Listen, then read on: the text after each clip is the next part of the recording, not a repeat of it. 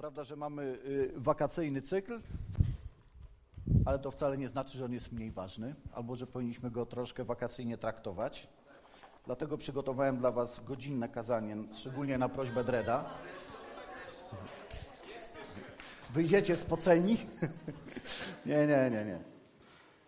Tylko 45. Natomiast, y, kochani, ukryte prawdy. Rzeczywiście jest tak, że kiedy sięgamy do przypowieści Pana Jezusa, a znajdujemy je w Nowym Testamencie, znajdujemy je w czterech Ewangeliach, to można powiedzieć, cóż takiego głębokiego można znaleźć w prostych przypowieściach. Ale kiedy zastanowimy się, dlaczego te przypowieści były wypowiadane w miejscach, które były wypowiadane, w czasie, w którym były wypowiadane i do ludzi, do których były wypowiadane, to nagle widzimy więcej.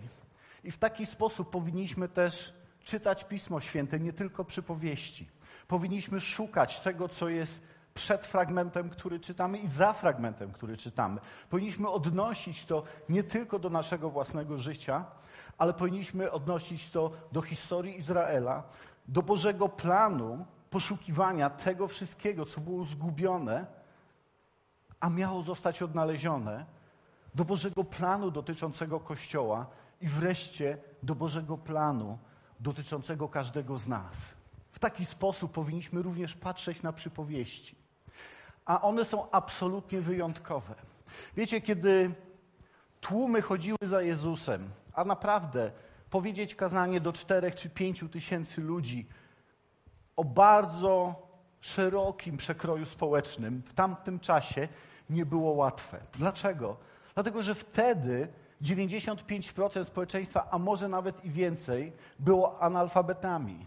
To byli ludzie, którzy nie potrafili czytać. Ludzie, moglibyśmy powiedzieć, bardzo prości, ale nie prostaccy. Ludzie, którzy mieli proste serca i tymi prostymi sercami przyjmowali wszystko to, co było głoszone. I wiecie, kiedy apostołowie Zapytali się Jezusa i czytamy o tym w Ewangelii Mateusza, dlaczego mówisz w, podobieństwach, dlaczego mówisz w przypowieściach. To on im to wyjaśnił.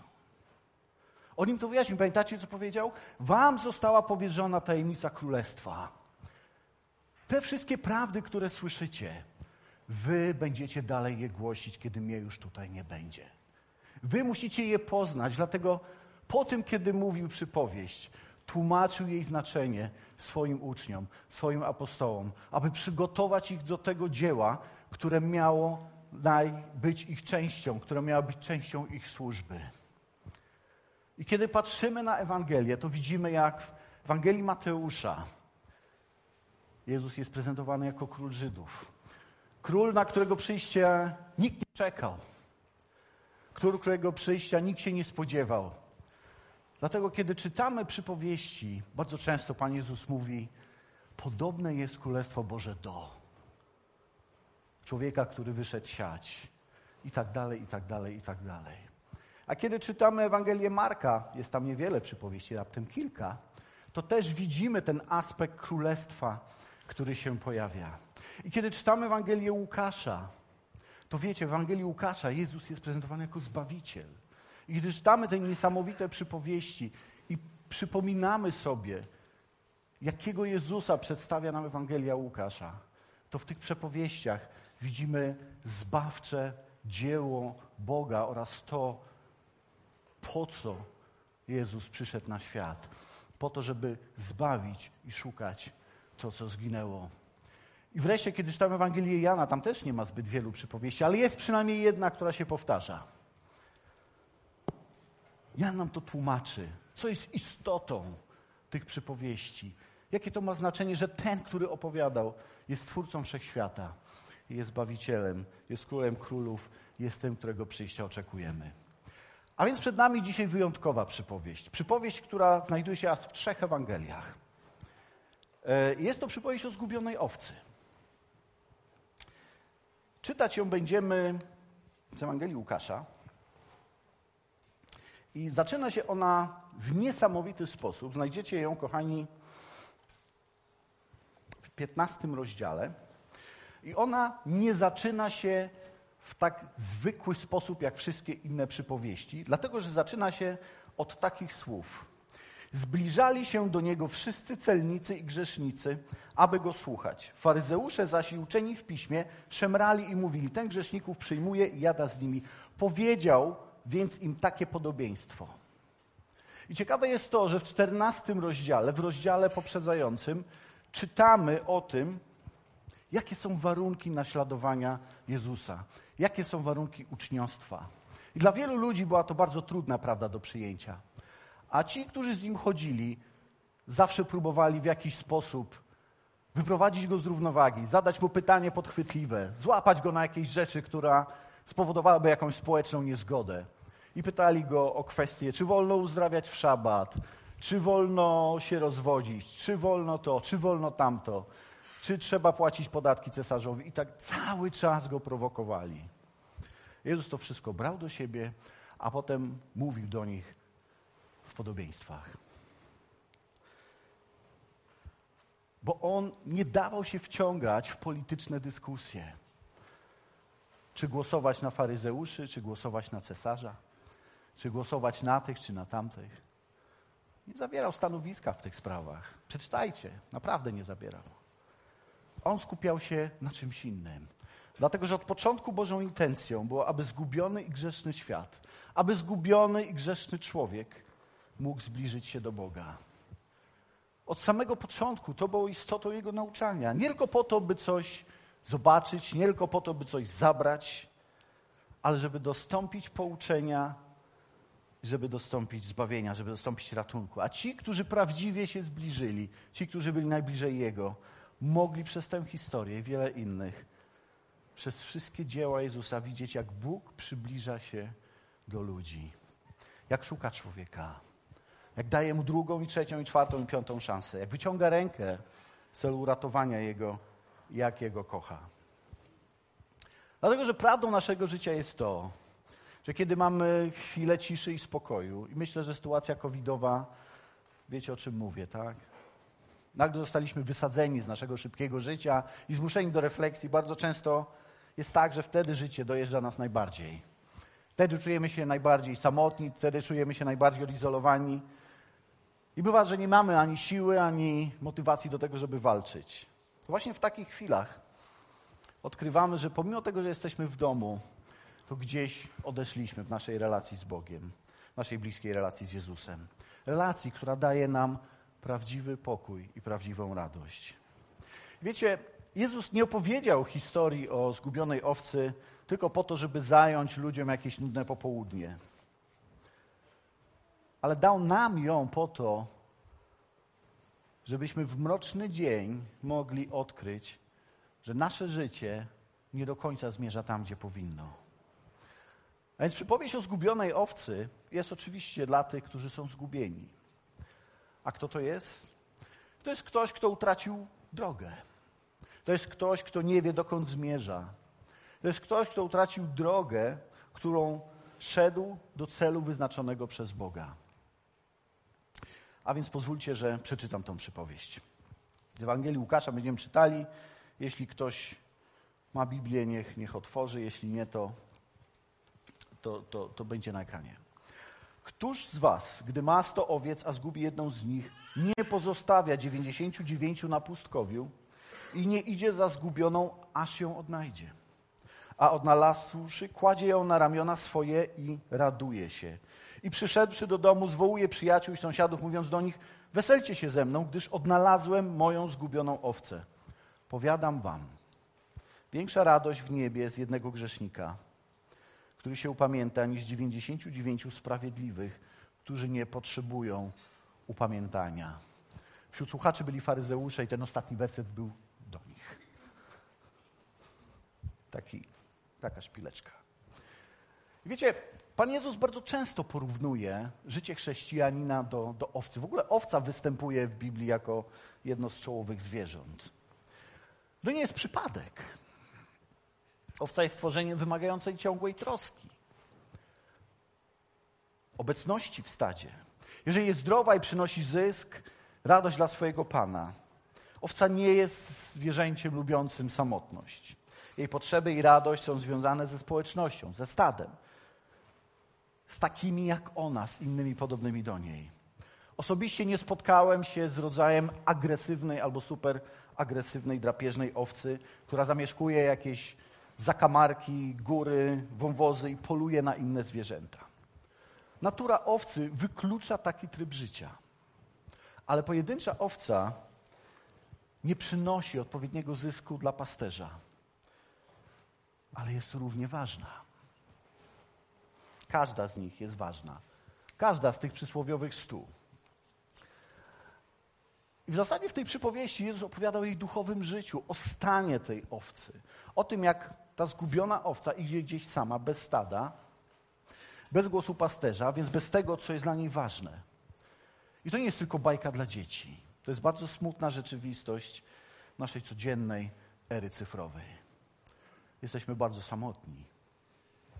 Jezus opowiedział nam tę historię, byśmy spojrzeli na duchowe życie w taki sposób, w jaki On na nie patrzy. I to jest jedna z ukrytych prawd. Bo owca numer 100, gdzie sama ze spuszczoną głową, prawdopodobnie zapomniała gdzieś o swoich życiowych marzeniach, o radosnych dniach, a może już nawet nie wierzy w cokolwiek dobrego. Kiedy przypatrzymy się ich dobrze, to zrozumiemy, że to nie tylko owca, ale ktoś blisko nas, a może ktoś z nas, a może to ty sam. Bo co to znaczy rzeczywiście być zgubionym? To znaczy znaleźć się w miejscu, w którym już nic nie poznajemy. W miejscu, w którym już nic dla nas nie jest oczywiste. W miejscu, gdzie czujemy się po prostu obco. Gdzie do nikogo nie należymy. I nagle zmienia się cały krajobraz naszego życia. Naszego wewnętrznego życia. Idziemy sami, niespecjalnie wiemy dokąd. I to właśnie oznacza być zgubionym. Ale wiecie co? Właśnie w takim miejscu najczęściej, w takim miejscu najczęściej dochodzi do spotkania ze Zbawicielem. Gdybyście porozmawiali ze sobą, to nagle odkryjecie, że właśnie w takim miejscu najczęściej każdy z nas doświadczył spotkania z Jezusem. Zdrowa owca, dla porównania, wie czym jest życie. I każdy jej dzień jest doświadczeniem prowadzenia i opieki pasterza. I w każdej sytuacji ma też komfort Bożej obecności i dostępnej pomocy. Choć przychodzą chwile, że to, co dzieje się wokół niej, przekracza jej siły i zrozumienie, bo w końcu jest tylko owcą. A więc jeśli się zgubiłeś, jeżeli czujesz się zgubiony, to jest kilka informacji. Po pierwsze, jeżeli jesteś zgubiony, to Bóg nie może cię paść. Bóg nie może cię paść. On ciebie szuka. On ciebie nawołuje, ale cię nie pasie. On ciebie woła, ale cię nie karmi. Jeśli jesteś zgubiony i nie idziesz za Jezusem, to druga wiadomość oznacza, że Jezus szuka ciebie. Bo zgubić się to też oznacza nie słyszeć głosu pasterza, który wieloma sposobami przez pokolenia docierał do nas. To oznacza utracić charakter, dopuszczając wiele rzeczy do naszego życia, które są niezdrowe i destrukcyjne. Rzeczy, których nie poddajemy jakiejś krytyce albo ocenie. I bywa też tak, że owce zaczynają się licytować co do prawdziwości bycia owcą, tego jak prawdziwa owca beczy, jak wygląda. Zapominając o tym, że owca, prawdziwa owca nie musi wmawiać innym, że jest owcą. Ona ma iść za pasterzem. Ona ma iść za pasterzem, dlatego że wszystko, co ma, jest związane z pasterzem. Wszystko, co ma, jest związane z trwaniem przy Nim, z jej chodzeniem za Nim. Bezpieczeństwo, pokarm, droga, pewność dojścia do celu jest związane z osobą pasterza.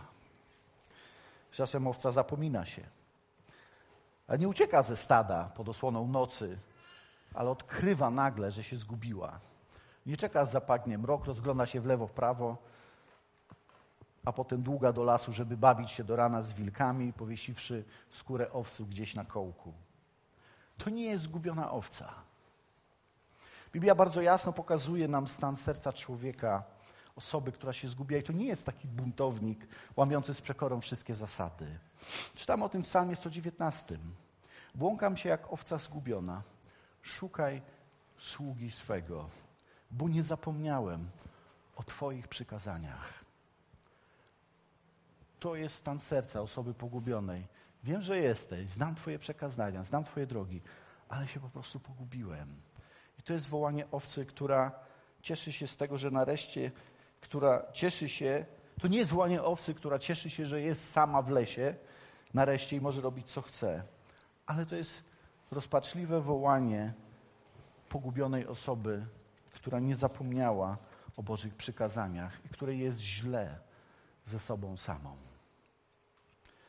Nie uciekłem pod osłoną nocy, lecz pogubiłem się w moim opadku, w moich problemach, w moich uzależnieniach. I drogi Jezu, tak bardzo mi brakuje Twojej obecności. Drogi pasterzu, brakuje mi Twojego prowadzenia. Kochani, ta ukryta prawda w tej przypowieści oznacza, że jesteśmy Bożymi umiłowanymi dziećmi. Każdy ojciec, każdy dobry ojciec, który słyszy wołanie swojego dziecka, biegnie, żeby przyjść mu z pomocą. Biegnie na ratunek. Kiedy upadamy w grzech, Bóg naprawdę chce nas usłyszeć. Chce usłyszeć nasze wołanie, chce usłyszeć naszą gotowość do pokuty, czyli do odwrócenia się od tego, co robiliśmy, i On nas nigdy nie przekreśla. Kolejna prawda. Owca numer 100 wcale nie jest mniej warta niż te inne 99. Tylko dlatego, że jest zgubiona. Ona jest po prostu mniej użyteczna. Wiecie, jak zgubimy 5 złotych, to ono naprawdę nie traci na wartości, nawet jeżeli mamy deflację. 5 złotych to 5 złotych. Ono nie zamienia się nagle w 2 złote tylko dlatego, że je zgubiliśmy, prawda? Dalej jest warte tyle samo. Lecz nie jest tak samo użyteczne. Nie możemy go po prostu użyć, bo go nie mamy. Więc pasterz nie odgrażał się, że jak znajdzie zgubioną owcę, to przerobi ją na kebab tylko dlatego, że jest gorsza albo że się zgubiła, albo zmniejszy jej wartość. On rozpaczliwie chciał i dążył do tego, aby ta zgubiona owca znalazła się z powrotem w stadzie. Znalazła się z powrotem w zagrodzie, którą on dla niej przygotował. On nas ceni dużo bardziej, nasze życie ma dla niego cenę. Każdy z nas ma wartość, która jest mierzalna, ponieważ za każdego z nas została zapłacona dokładnie taka sama cena. Bo w Bożej ekonomii, w Bożym systemie walutowym jest tylko jedna waluta, jest tylko jeden kurs wymiany tej waluty. Jeden człowiek równa się jeden Jezus. Jeden człowiek równa się jeden Jezus. To jest kolejna ukryta prawda tej przypowieści. To jest nasza prawdziwa wartość. Każdy z nas jest wart jednego Jezusa. To prawda, pasterz zostawił 99 innych owiec. Być może posłuszniejszych, być może grzeczniejszych, bardziej bezpiecznych, ale ta jedna musiała się odnaleźć, bo brakowało jej w zagrodzie, w zagrodzie, którą dla niej przygotował. Bo stado było niekompletne bez niej. I w społeczności ludzi wierzących jesteś bezpieczny. Cokolwiek się stanie, kiedy Pan Jezus przyjdzie, nas zabierze, też tam się znajdziesz. Poza społecznością ludzi wierzących nie tracisz wartości. Jesteś jak to zgubione pięć złotych albo zgubiona drachma. Notabene kolejna przypowieść była właśnie o zgubionej monecie. Ale wiedz, że Pan szuka tego, co zgubione. Jezus jest dobrym pasterzem. I każdego z nas znalazł w miejscu, kiedy nasze serce płakało, gdzie byliśmy zgubieni, gdzie nie mogliśmy znaleźć drogi. W księdze Izajasza też w Starym Testamencie czytamy taki obraz. Wszyscy jak owce zbłądziliśmy. Każdy z nas na własną drogę zboczył, a Pan Jego dotknął karą, zawinął nas wszystkich. Wiecie, to są piękne przypowieści. A dopiero kiedy czytamy Ewangelię Jana, nagle wszystko staje się jasne, dlatego że to Jan wyjaśnia nam istotę rzeczy. Jan mówi tak, opisując nie tą przypowieść, ale kilka rozdziałów dalej, opisując osobę pasterza, przybliża nam słowa Jezusa. Ja jestem dobry pasterz. Dobry pasterz życie swoje kładzie za owce. W innym fragmencie mówi: Ja jestem bramą do owiec, czy bramą dla owiec. Wiecie, na czym to polegało? Kiedy pasterze wypasywali swoje owce, tworzyli taki kamienny krąg z niewielkim przejściem, i pasterz, który pilnował stada, kładł się w tym miejscu. On był drzwiami tej zagrody. On był bramą dla owiec. Czujecie? O tym mówię, o tym, żebyśmy sięgali jeszcze głębiej, żebyśmy szukali różnych porównań. Dlatego, że to wyjaśnia nam sens i istotę przypowieści. To pozwala nam wydobyć te cenne, ukryte prawdy na zewnątrz. A więc za mnie, za ciebie, za każdego z nas cena została zapłacona. Wiecie, dla Boga naprawdę wszystko jest możliwe.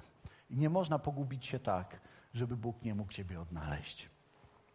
On nas znalazł i tylko On ma moc przywrócić nas do stada i do społeczności i wszędzie tam, gdzie będziemy. Mówi o tym kolejny werset i to jest taki happy end tej historii, a odnalazłszy kładzie ją na ramiona swoje i raduje się. Jego radość nie polega na tym, że zostają na zawsze w ciemnym lesie, w miejscu, gdzie owca została odnaleziona. On bierze ją na ramiona i następuje moment powrotu do stada, do zagrody, do miejsca, gdzie zebrane jest wszystko, co należy do pasterza. Niesie na ramionach odnalezioną owcę, która owszem miała siłę, aby odejść od stada i się pogubić, ale nie ma siły do niego wrócić. Miała siłę, żeby odejść być może bardzo daleko, ale jej stan jest tak opłakany, że nie ma siły sama wrócić. Kochani, człowiek ma dość siły, żeby popaść w grzech. Naprawdę. Ale często jest tak, że kiedy Bóg nas znajduje, to my sami o własnych siłach już nie jesteśmy w stanie gdziekolwiek wrócić, bo nasz stan jest fatalny.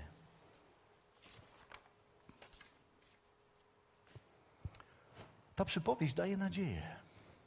Ta przypowieść jest pełna nadziei, dlatego że płynącej z tego, że pasterz kładzie owce na swoje ramiona i cieszy się i raduje się. Nie pędzi jej kijem do domu, pełen złości, bo wie, że ona ma już dość. Bo on wie, że owca już swoje przeżyła i musi doświadczyć łaski, opieki, troski, miłości i przebaczenia. I kiedy doświadczy realności odpoczywania w Panu, to radość, która jest radością pasterza, staje się też udziałem owcy. Radość pasterza wraca do owcy. A kiedy całe niebo się raduje, pamiętacie dlaczego? Bo Bóg nie chce, żeby ktokolwiek zginął. Bóg nie chce, żeby ktokolwiek zginął. I wiecie, bardzo ciekawe zakończenie tej samej przypowieści daje nam ewangelista Mateusz. Pozwólcie, że przeczytam. A jeśli mu się uda ją odnaleźć, zaprawdę powiadam wam, że się z niej bardziej raduje niż 99, które się zabłąkały. Tak też nie jest wolą Ojca Waszego, który jest w niebie, aby zginął jeden z tych małych. A więc gdziekolwiek dziś jesteś, gdziekolwiek zaniosło Ci życie, albo dokądkolwiek sam poszedłeś, jeżeli nie jesteś w Chrystusie, jeżeli Jezus nie jest Twoim Panem, to wznieś głos, by wołać, a On Ciebie odnajdzie i poprowadzi Ciebie drogą do domu. Do miejsca, w którym znajdziesz pokój przewyższający ludzkie zrozumienie i niewyczerpane źródło miłości, łaski, przebaczenia i radości. A kiedy tego doświadczysz, to to zmieni Twoje życie. Zmieni Twoje życie na zawsze. już nigdy nie będziesz taki sam. Bo Bóg wie bardzo dobrze, gdzie jesteś dzisiaj. Zna Twoje miejsce, wie dokąd poszedłeś i właśnie Cię szuka. A jeżeli Cię znajdzie, to zrobi to tak, że naprawdę będziesz czuł się znaleziony. Weźmie Ciebie na swoje ramiona i zabierze na swoje obfite pastwiska, tam gdzie jest spokój i prawdziwy odpoczynek. A kiedy tam już się znajdziesz, to będziesz mógł powtarzać coś, co jest hymnem, owcem numer 100. Pan jest pasterzem moim. Niczego mi nie braknie. Na zielonych łąkach pasie mnie, nad spokojne wody prowadzi mnie, duszę moją pokrzepia. Wiedzie mnie ścieżkami sprawiedliwości ze względu na swoje imię. I choćbym nawet szedł ciemną doliną, zła się nie ulęknę, bo Ty jesteś ze mną. Twoja laska i Twój kij mnie pocieszają. Zastawiasz przede mną stół wobec nieprzyjaciół moich. Namaszczasz oliwą głowę moją, mój kielich przepełnia się. Zaiste dobroć i łaska towarzyszyć Ci będą przez wszystkie dni życia mego i zamieszkam w domu Pana przez długie dni. Amen.